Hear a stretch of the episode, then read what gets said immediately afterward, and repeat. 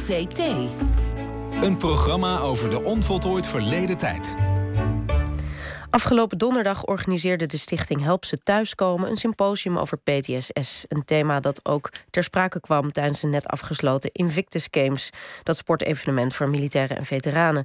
Wat zijn de nieuwste inzichten rond PTSS en kan de opgedane kennis misschien ook nog van, nut zijn voor de oorlog in Oekraïne bijvoorbeeld? Dat vragen we aan de voorzitter van de stichting en ex-marinier Karel Lanser. Ter introductie op de aflevering die we straks gaan luisteren, Mannen huilen niet in het spoor terug. Goedemorgen, Karel. Goedemorgen, hallo. Ja, je hebt zelf een achtergrond als marinier. Wat, wat is jouw motivatie om je in te zetten voor, voor PTSS bij militairen en veteranen?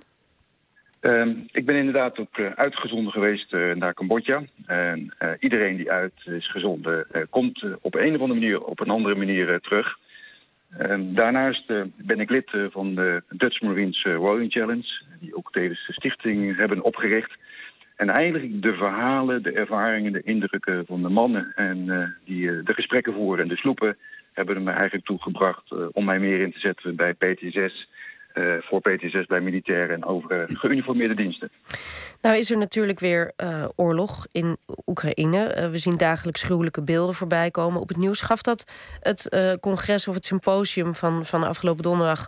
vol ex-militairen nog een extra lading? Uh, ik, tuurlijk, de, de oorlog in Oekraïne brengt eh, voor vele herinneringen terug... voor alle uitzendingen die we in het verleden hebben gedaan. Uh, met name de geluiden, de, de, beelden die we op televisie zien. Zeker bij veteranen die last hebben van PTSS. dus, dus niet alleen op het congres heeft dit extra lading gegeven. Alle veteranen voelen deze oorlog. uiteindelijk ja, de verschrikkelijke realiteit waar we in zitten. Ja, nu, nu hebben jullie um, net allerlei specialisten ook uh, te gast gehad. Um, waar staan we nu, als je het even grofweg moet samenvatten... als we het hebben over PTSS bij veteranen anno 2022? Wat is er in de afgelopen jaren gebeurd? Uh, ik denk dat de, de grootste doorbraak is wel, denk ik, meer erkenning. Uh, we zijn er nog niet, maar we hebben hier een enorme sprong voorwaarts gemaakt. Uh, kijk, erkenning betekent de eerste stap om tot uh, nog betere behandelplannen te komen. En misschien al veel belangrijker, hoe kunnen we preventieve programma's beter samenstellen. bij een eerder congres wat we gehad hebben twee jaar geleden kwam het woord bijvoorbeeld vernormalisering te sprake. en daar begint het wel mee. er zijn prachtige ontwikkelingen, waaronder een VR-studio, virtual reality Hè, waar militairen terug worden gebracht in hun ervaringen... waar, waar ze de traumatische aanslag of gevechtssituatie hebben meegedaan. Dus uh, anno 2022 zijn we een heel eind, maar we zijn er zeker nog niet. Ja. Kun je een voorbeeld geven van dat preventie? Van hoe, wat moeten we ons daarbij voorstellen? Dat je als het ware in een situatie gebracht wordt... Kun je de, dat die ook in de oorlogstijd is als je aan, in een loopgraaf ligt... kun je een voorbeeld geven waar, waardoor we het allemaal meteen snappen? Uh, een, een, klein voorbeeld, bijvoorbeeld uh, geur, uh, een lijkengeur. En bijvoorbeeld mensen zou je kunnen trainen, militairen kun je trainen... om de geur alvast te herkennen voordat ze op een uitzending gaat.